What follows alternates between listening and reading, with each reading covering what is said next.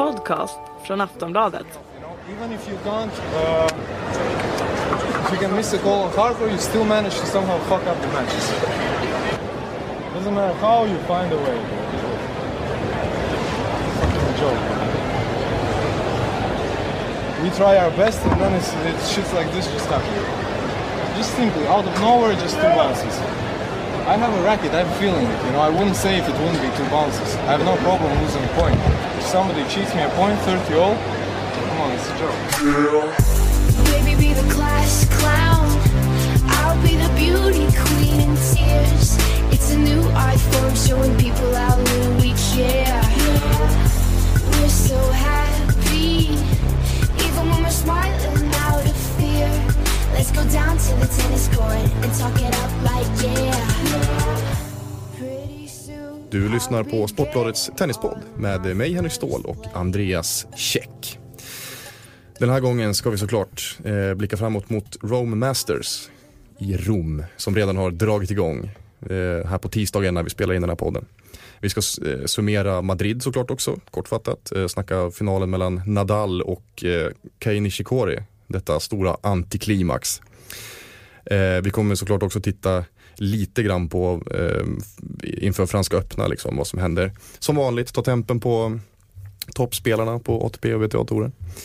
Eh, I Nördkollen ska vi lista de bästa och sämsta huvuddomarna på tourerna och avslutningsvis så ska vi titta lite grann på vad som har hänt och vad som händer på svensk mark. Men vi kanske ska börja med att summera Madrid lite kort. Vad säger du Andreas?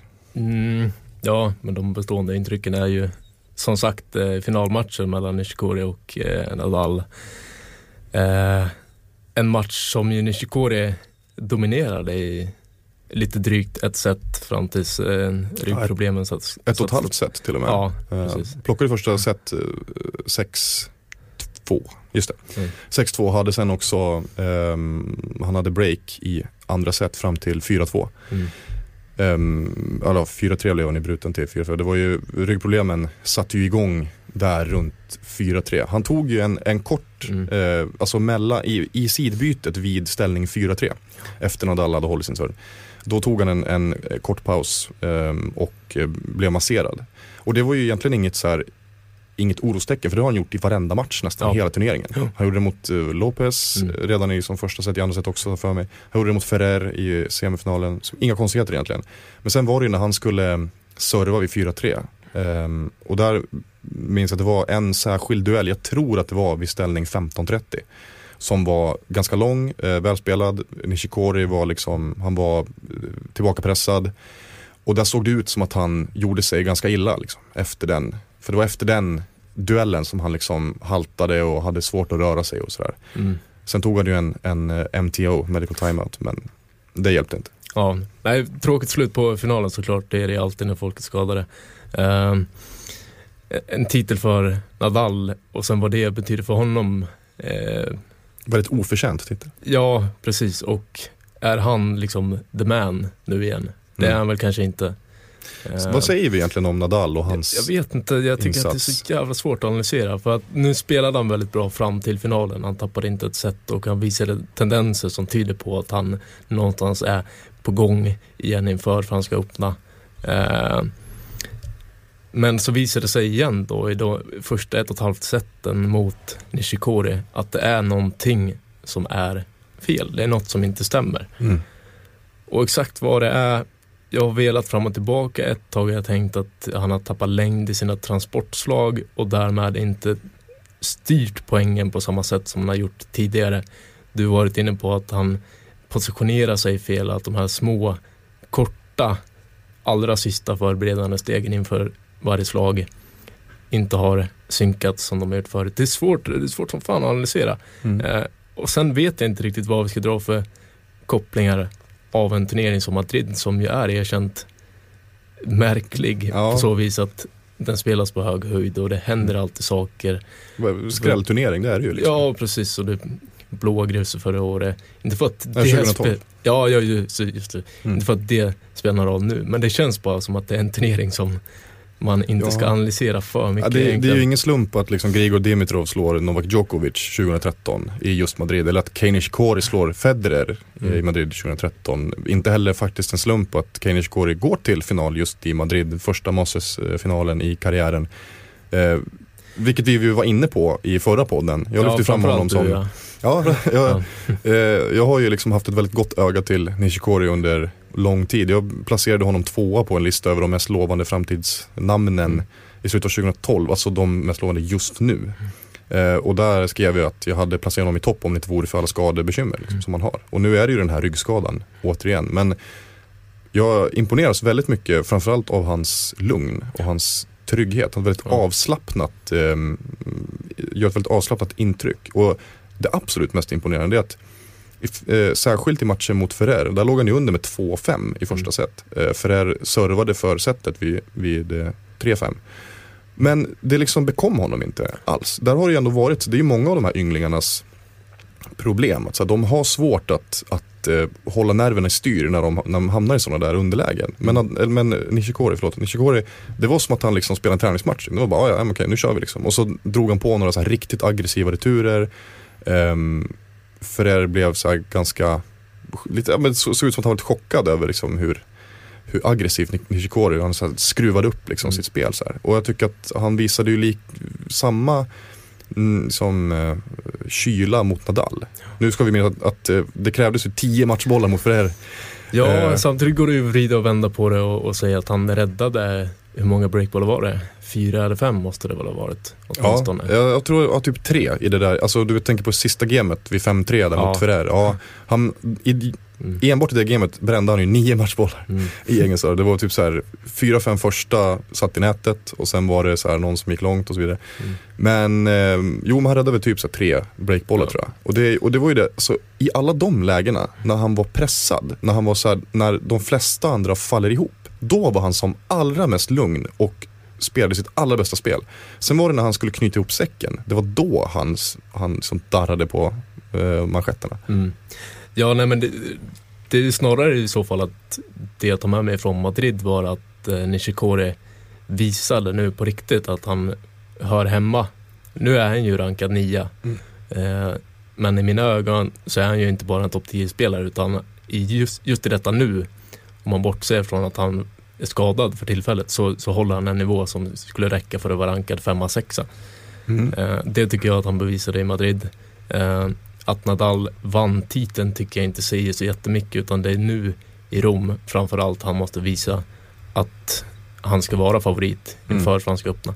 I Rom är det ju också liknande conditions, alltså underlaget är ju väldigt likt det som är i Franska öppna.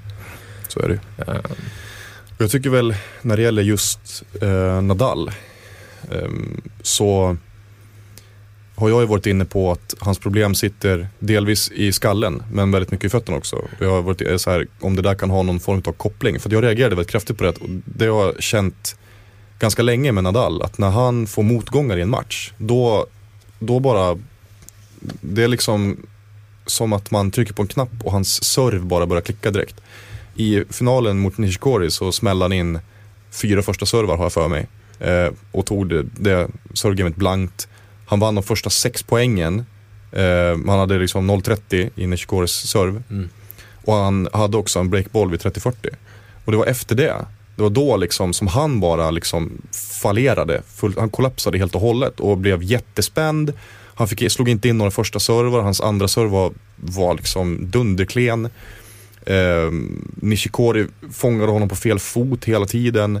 Och det tyckte jag att så här, jag ser liksom inga jättestora problem med Nadals slag, så här, rent tekniskt. Det har inte hänt så mycket. Jag är inte så eh, Vissa har ju varit inne på att han har försökt lägga om sitt spel för att kunna matcha Djokovic. Vi har ju snackat om det tidigare i podden. Men jag tycker mig inte se det. Det jag tycker mig se det är att han är jättetrögfotad. Han är inte, liksom, han är inte lika snabb.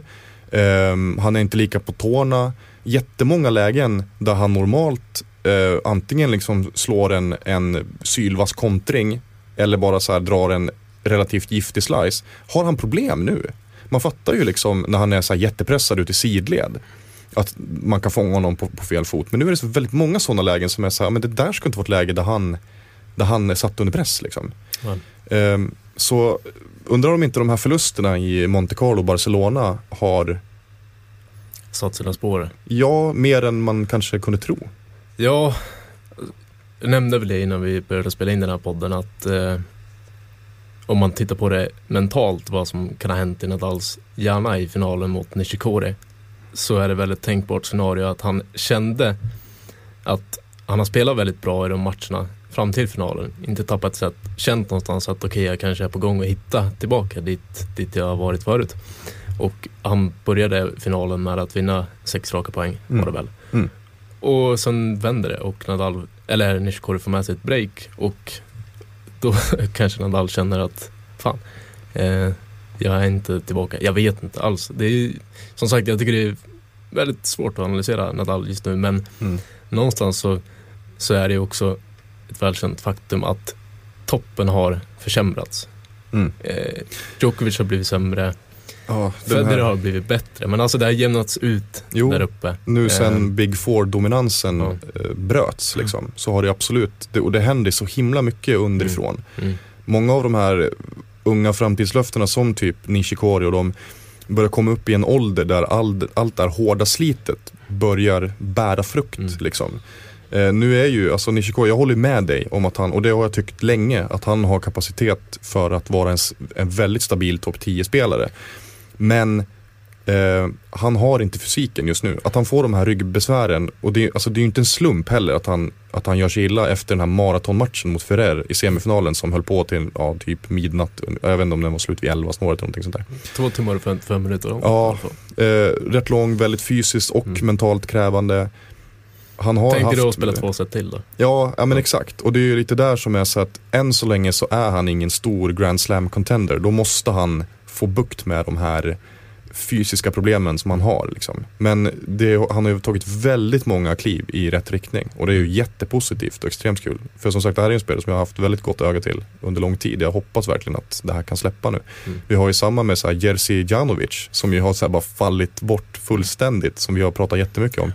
Men eh, det är ju samma sak där liksom. Man har de här skadorna och har man det Ja, alltså det finns ju jättemånga talanger på touren.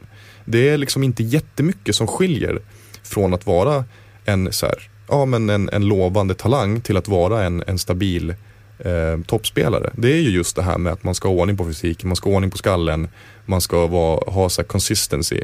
Jag menar, det är ju det som har gjort att Wawrinka nu har blivit en, en toppspelare att räkna med. Liksom. Mm. Det är att han har fått ordning på de där bitarna. Han har alltid haft spelet. Det är liksom inte...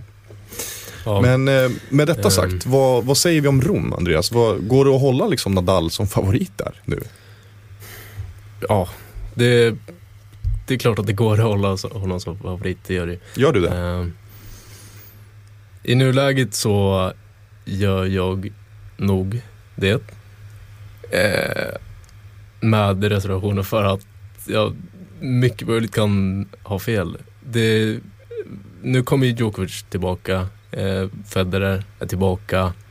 Efter barnafödan? Ja, exakt. Det är inte han som har fått barnet i och för sig. Men, eh, ja, nej, och eh, Wawrinka vill väl säkert visa att den här förlusten mot Dominic eh, Team var en eh, skitgrej. Mm. Och ehm, om vi ska tro sidningen så är det ju Wawrinka och Nadal som kommer mötas i semifinal då i Rom. Mm. Och får jag den matchupen idag så skulle jag nog eh, lägga mina slantar på Wawrinka. Samma här. Och då blir det ju konstigt att säga att Nadal är favorit.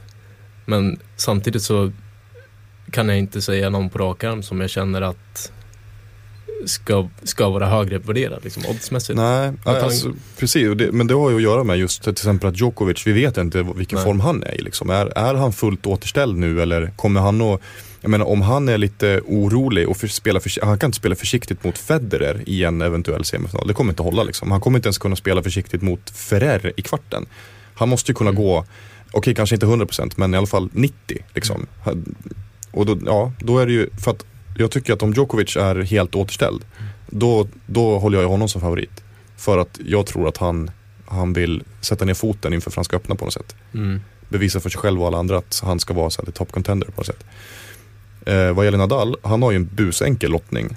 Eh, ja det är väl, jo men det har han väl Fram fram till till, semin. Ja men precis, exakt. Mm. Fram till semin har han ju en busenkel lottning. Och frågan är om det är till hans fördel eller nackdel.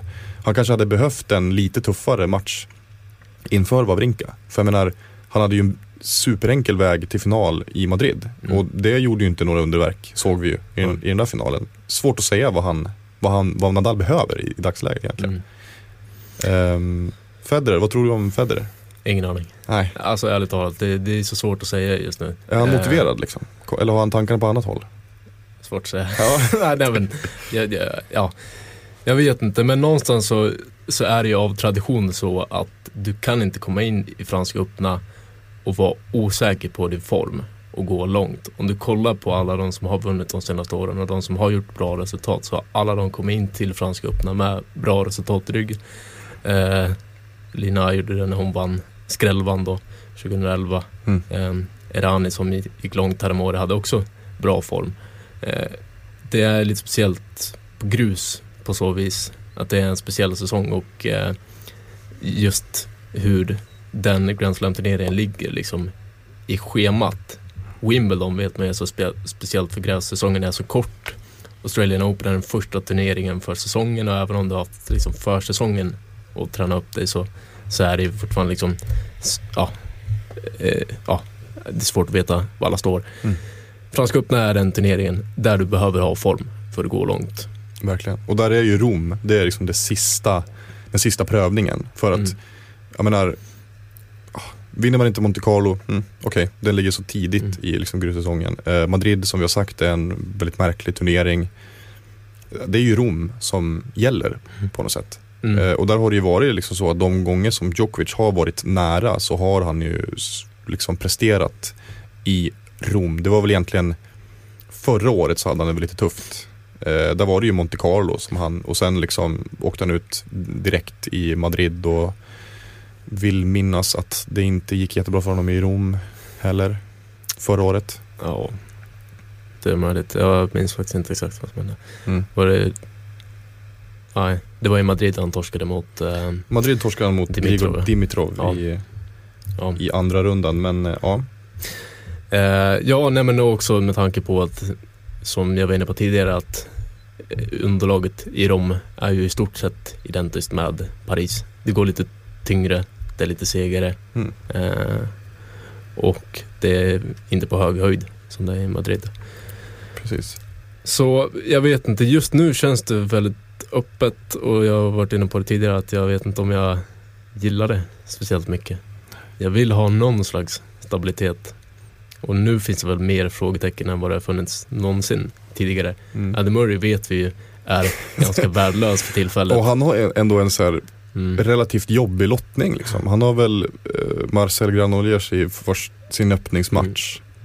Ehm, och sen kan han ju möta eh, Santiago Giraldo igen. Ja. Och det vet vi att så här, han, ja, den Ja. kan han ju mycket väl torska i Absolut, set, Tiraldo är liksom. ju en av de mest förbättrade spelarna den här säsongen. Visst, han och Eh. Pablo Carreno Busta. Eller nej förlåt, vad säger jag? Jag menar Roberto Bautista Agut. Ja.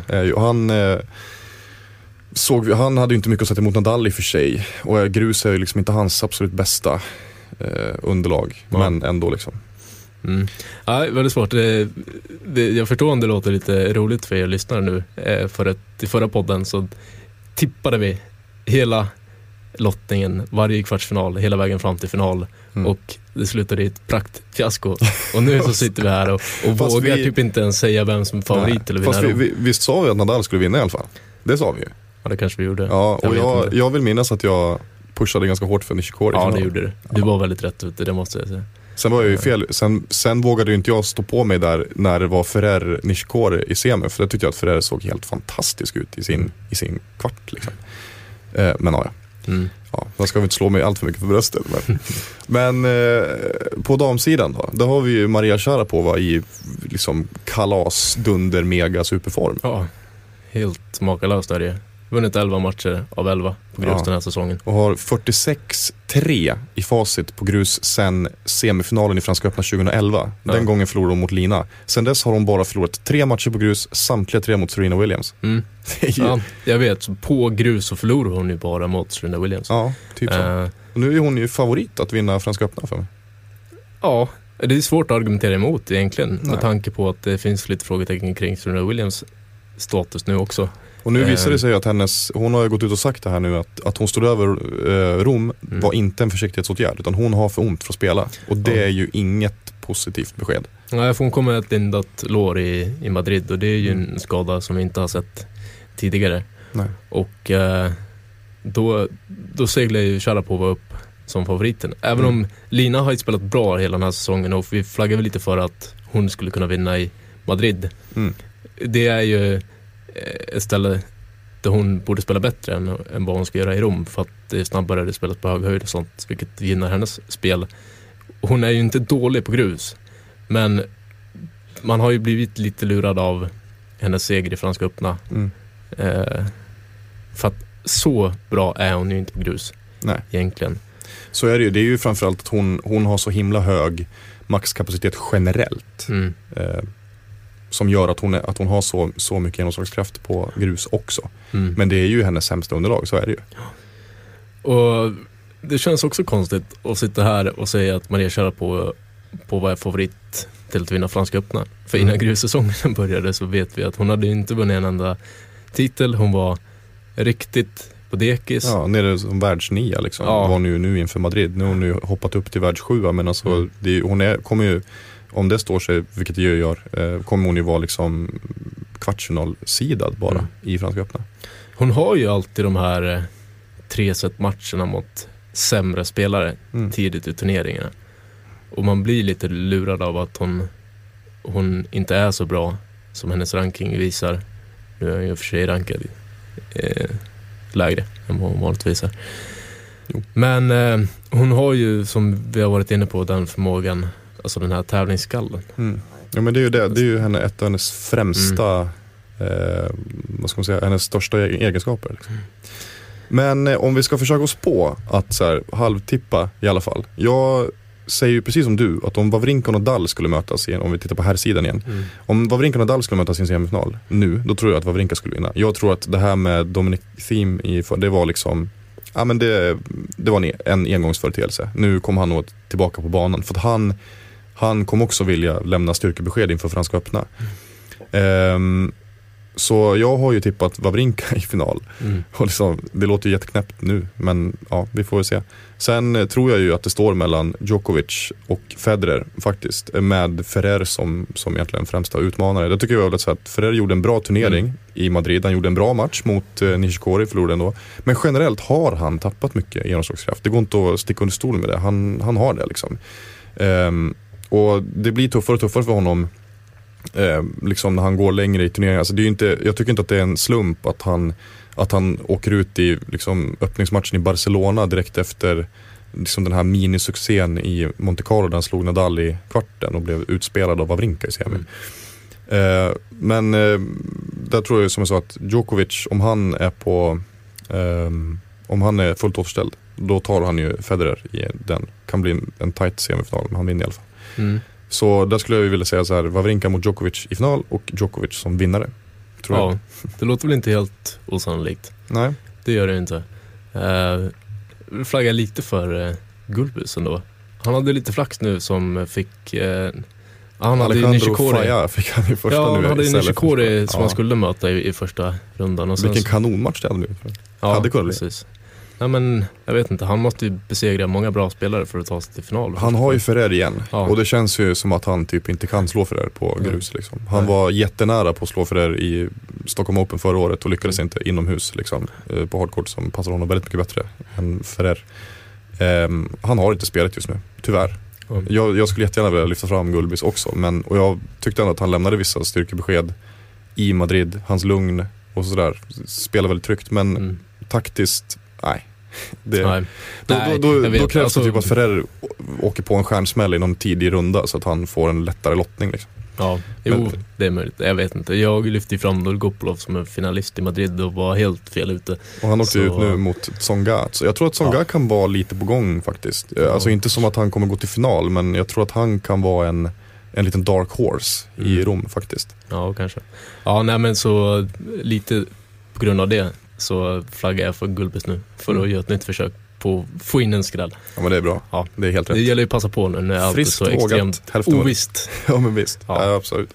Damsidan då, där har vi både från Sharapova och det är ju svårt att argumentera mot det egentligen. Men, eh, ja, det är det väl. Hon möter ju troligtvis Anna, Anna Ivanovic i tredje rundan. mm, är det väl? Ja, precis. Åttondelen blir det väl. Ja. Mm. eh, inte helt lätt såklart, men eh, på grus så ska hon ju vara favorit alla dagar i veckan. Jo, precis. Och Ivanovic gjorde ju, eh, ja, gjorde inte så jävla bra från sig. Vi trodde ju ganska hårt på henne i Madrid. Hon Ja, eh, eller, gjorde en ganska slät figur mot Simona Halep i ja, som berodde också på att Halep var jättebra. bra. Absolut. Eh, hon hade dock behövt slå Sharapova för Ja. att liksom hävda sig på, på allvar som en Ja. toppspelare. Nu är det lite speciellt för henne. Vi vet ju hur bra hon har spelat den här säsongen, men nu kliver vi in i grussäsongen och där har hon ju alla sina poäng från i fjol att försvara. Så Mm. det är möjligt att hon kommer tappa lite under sommaren. Mm. Vi får se helt enkelt. Vad säger vi om Lina då? Eh, jag tror hon kommer gå hyfsat långt. Jag tror inte att hon kommer vinna. Nej. Eh, Ja, just nu är det Sharapova som känns helt klart, Mm. solklart hetast liksom. svårt att tippa emot Sharapova just nu. Alltså. Mm. Det. Okej, ska vi vandra vidare? Ja. Rakt ner i, i nördträsket Ja. dyker vi ner och ska prata lite huvuddomare. Precis som i alla andra sporter så får ju eh, framförallt då huvuddomare, även linjedomare såklart, men framförallt är det ju huvuddomarna som blir syndabockar i, ofta. eh, Både hos spelare och hos tittare. Men om vi ska försöka oss på att plocka ut eh, några domare som sticker ut från mängden. Eh, dels då de som är, för att de är väldigt bra på ett positivt sätt, de som är lite sämre. Ska vi, ska vi börja i den trevliga eh, änden? ja, det kan vi göra. Vi är, ju, om... vi är ju eniga om den, den bästa va, visst är vi det? Den som vi sätter i topp. På ATP-touren, alltså herrdomare. Ja, precis. Eh, ja, det kanske vi är.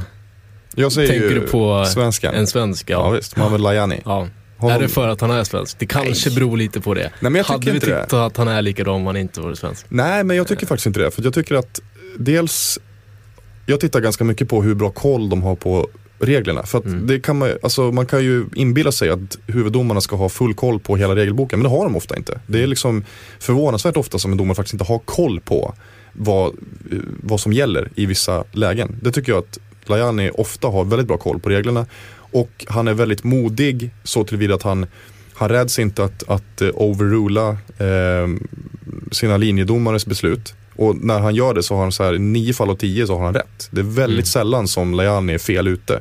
När det gäller, alltså även i så här, när det handlar om typ millimeter. Eh, till exempel när en boll döms ut, han bara nope, den där var inne. Så, här. så han är väldigt rätt ute liksom. Och jag tycker det är viktigt. Jag tycker också att han är, han är väldigt respektfull Mm. mot, mot spelarna. Men räds inte heller att, liksom, att ge sig Nadal eh, varningar när han tar för lång tid på sig och, och annat. Nej, nej, nej men så är det. Alltså det, det är fan så. Han är den bästa domaren. Mm. Inte bara för att han är svensk. Han är som du säger väldigt respekterad på touren och det beror på att han är väldigt smidig eh, på att, alltså när det kommer till att argumentera Mm. om ett domslut så kan han förklara hur han tänker på ett, på ett sätt som spelarna uppskattar. Och han är väldigt säker så det är sällan han har fel. Men när han har det så säger han att okej, my bad, eh, jag ska bättra mig. Mm. Och han är också en skön person. Han Verkligen. bjuder på sig själv, alltså under matchens gång, vilket är väldigt sällsynt ju. Eh, och det tror jag att både spelarna, publiken som är på plats, men även tv-tittarna uppskattar. Mm. Så ja, Och det är lite samma, samma med vår tvåa där. Visst, hade vi, visst var vi ganska eniga om vår tvåa också? Ja jag har inte satt dem listat 1, 2, 3 så, Nej, men, ja, jag har bara plockat ut de här två. Så, Mm. Men med La- Lajani som huvud, så här, Mm. supertopp. liksom. men, nu, men nu tänker vi på, på en eh, kvinnlig domare. Eh, eh, Eller är vi ehm, fortfarande på, Jag tänkte om vi skulle wrap it up på ATP så går vi vidare sen. På. ja så kan vi göra. Så Och då har vi Bernardes. Mm, ja, jag vet inte fan. Vi skulle ha tagit ihop oss lite mer innan vi drog det här. Jag, jag kanske lite svårt att sätta honom som den näst bästa domaren. Jag tycker framförallt att han är lite av en mysfarbror och så och ger ett väldigt skönt och sympatiskt intryck. Det är det Mm. som är lite svårt om man ska lista bra och dåliga domare för det finns ju ingen statistik man kan stödja sig mot på så vis att att vi har alla siffror på hur många overrules Och de har all, haft alla har ju liksom misslyckats vid något Mm. skede. Liksom. Jag tycker Mm. vi bara säga generellt om honom, var, du var inne på det innan vi tryckte på rec här, att han, Mm. han kan vara lite feg. Liksom, med att, här, det är sällan som han, som han går emot sina linjedomare. Eh, och så där. och det, det är ju väldigt många domare som, huvuddomare som är så. Mm. De lägger så stort ansvar på, på linjedomarna och det kan man ju liksom argumentera för om det är rätt eller fel. Men det är lite samma med honom som med Jag tycker generellt att han har bra koll på reglerna. Han kan alltid argumentera för besluten han tar. Han fattar, han kan, han kan argumentera för det med stöd av regelboken. Det tycker jag är så här, det, det är väldigt många domare som, som argumenterar väldigt godtyckligt. Men det gör han aldrig liksom. Sen att han kan vara feg i vissa lägen när det gäller, eh, för det är ju det är en sak också, eh, alltså tennisspelarna är ju väldigt bortskämda. Mm. Och ibland så tycker man bara att, men vad fan, utmana då liksom. Att- Men då vill inte de, de vill inte riskera att bränna en, en eh, utmaning. Och därför Mm. vänder de sig ofta i första hand till huvuddomaren och säger så här, är den ute, är du säker på det? Mm. Och då säger ju Bernardes ofta, ja men det är vad linjedomaren säger liksom, typ Mm. så. Och då tycker de att, kan vissa tycka så här, att, men ah, du vet, måste jag eventuellt bränna en, en, en challenge liksom. Men ja, det, så är spelet liksom. Mm. Alltså, när jag, när jag plockar fram en bra domare så de kriterierna jag, jag utgår efter är känslan för spelet och eh, bedömningsnivån. Jag vill att domare ska vara rätt ute så ofta som möjligt men jag vill inte att han eller hon ska vara en paragrafryttare. Eh, och det är framförallt när det kommer till sådana, eh, vad, vad det nu heter, sådana överträdelser som Ja. Alltså att ta för lång tid på sig innan en serve eller Just det. osportsligt uppträdande. Mm. Där tycker jag det är så extremt viktigt, viktigt att ha bra känsla. Mm. Du ska inte gå in och varna en spelare i ett känsligt läge när det är ett deuce i ett avgörande set. Då Nej. måste de få lite längre tid på sig. Så kan man ta det efteråt liksom. Ja, precis. Men Ja. ibland så måste du sätta ner foten och ge dem en varning för att de segrar för mycket helt enkelt. Mm. Och eh, där tycker jag till exempel att eh, Kotavong, James då, Mm. är ganska vettig. Mm.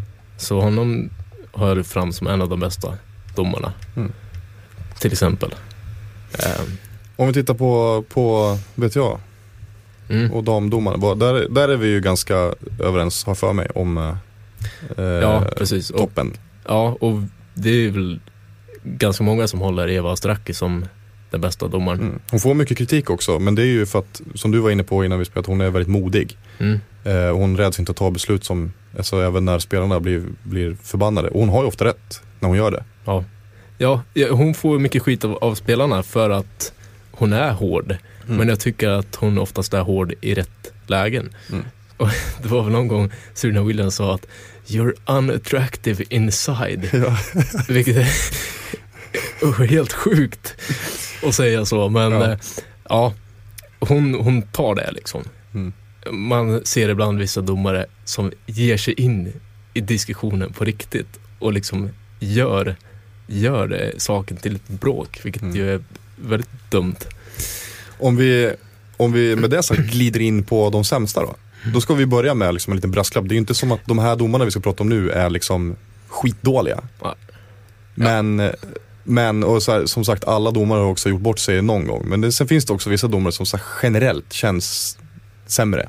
Ja, absolut. Jag måste bara få lyfta fram eh, Ja. Louise Engsell också, en Okej, annan svenska eh, på VTA-touren. Jag Mm. tycker att hon är väldigt bra också. Hon förtjänar att nämnas.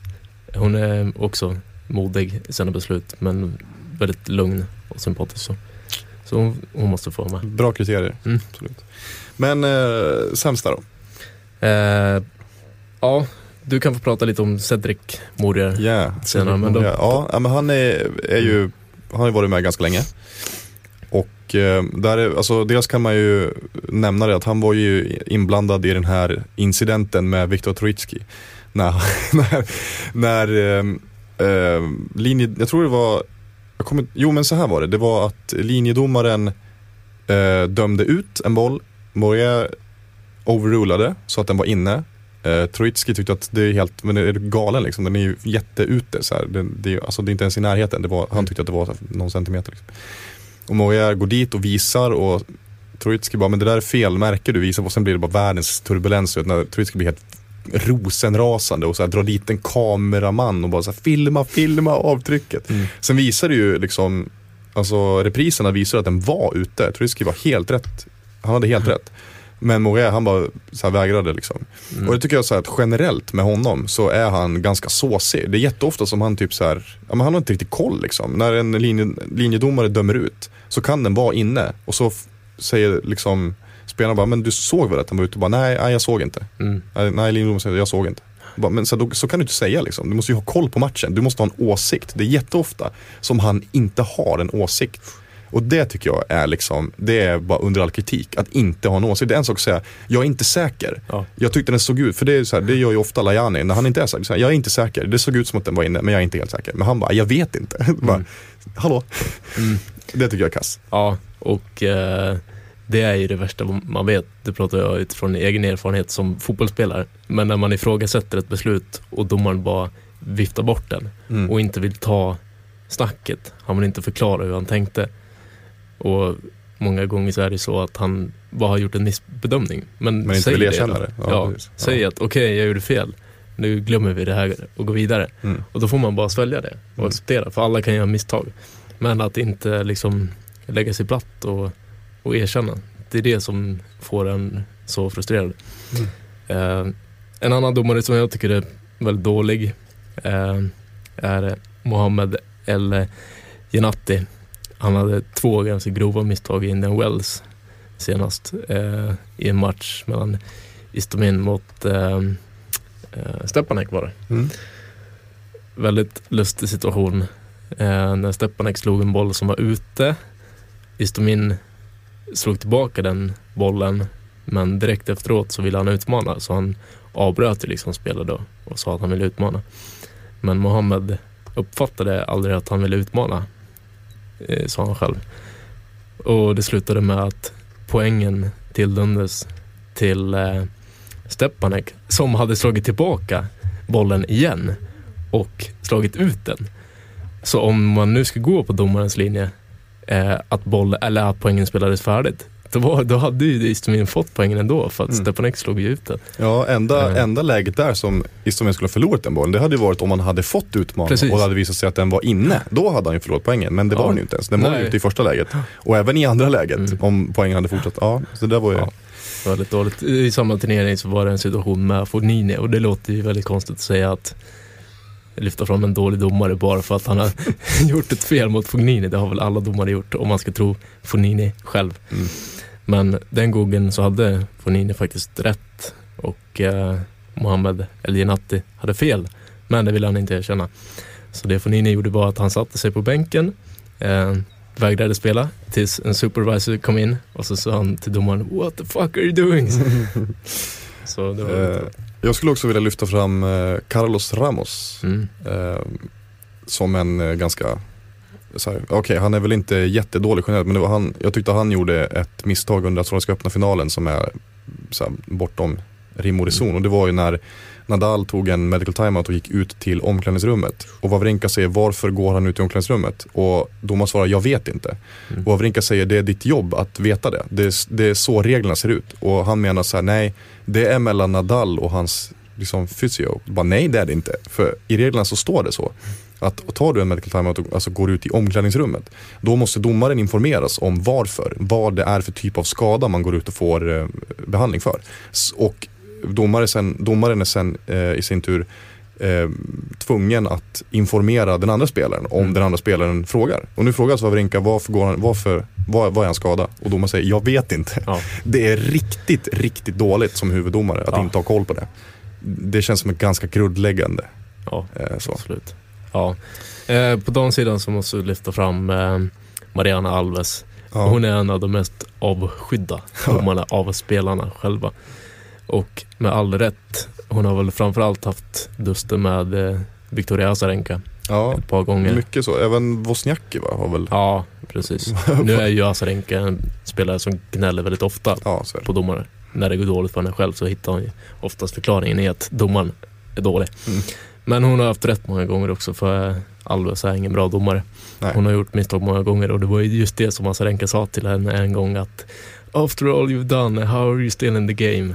Och jag är fan benägen att ge henne rätt alltså. Mm. Jag tycker inte att hon håller. Jag håller med. Jag, det är typ den enda på damtouren som jag vill lyfta fram för att hon sticker ut så himla mycket från mängden liksom, Mm. som en rätt kass domare. Ehm, det börjar bli dags för oss att avrunda. Mm. Och då måste vi prata lite grann om vad som, händer, hän, vad som har hänt och vad som händer på svensk mark. Eh, vi kan väl börja med att prata om, eller vi ska prata om Future-turneringarna i Båstad. En avslutades eh, förra veckan, Ja. eh, F2, Mm. som ju vann, vanns av Elias Ymer. Ja. Eh, superform där på honom. Han slog alltså sin två yngre lillebror Mm. Mikael eh, tidigt. Och eh, slog även eh, Christian Lindell som också har visat sig vara i extremt bra form nu. Eh, och i finalen så slog han då Patrik Rosenholm. Mm. Eh, ja, kul för Mikael att ta sina första ATP-poäng. Precis, Men, han det, vann ju sin första runda.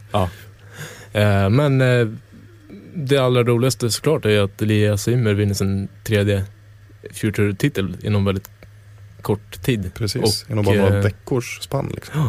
Och eh, han kommer lyfta, han kommer väl in på topp 500 Ja, snart. exakt. I och med den här segern så är han topp 500. Ja, Rätt säker på.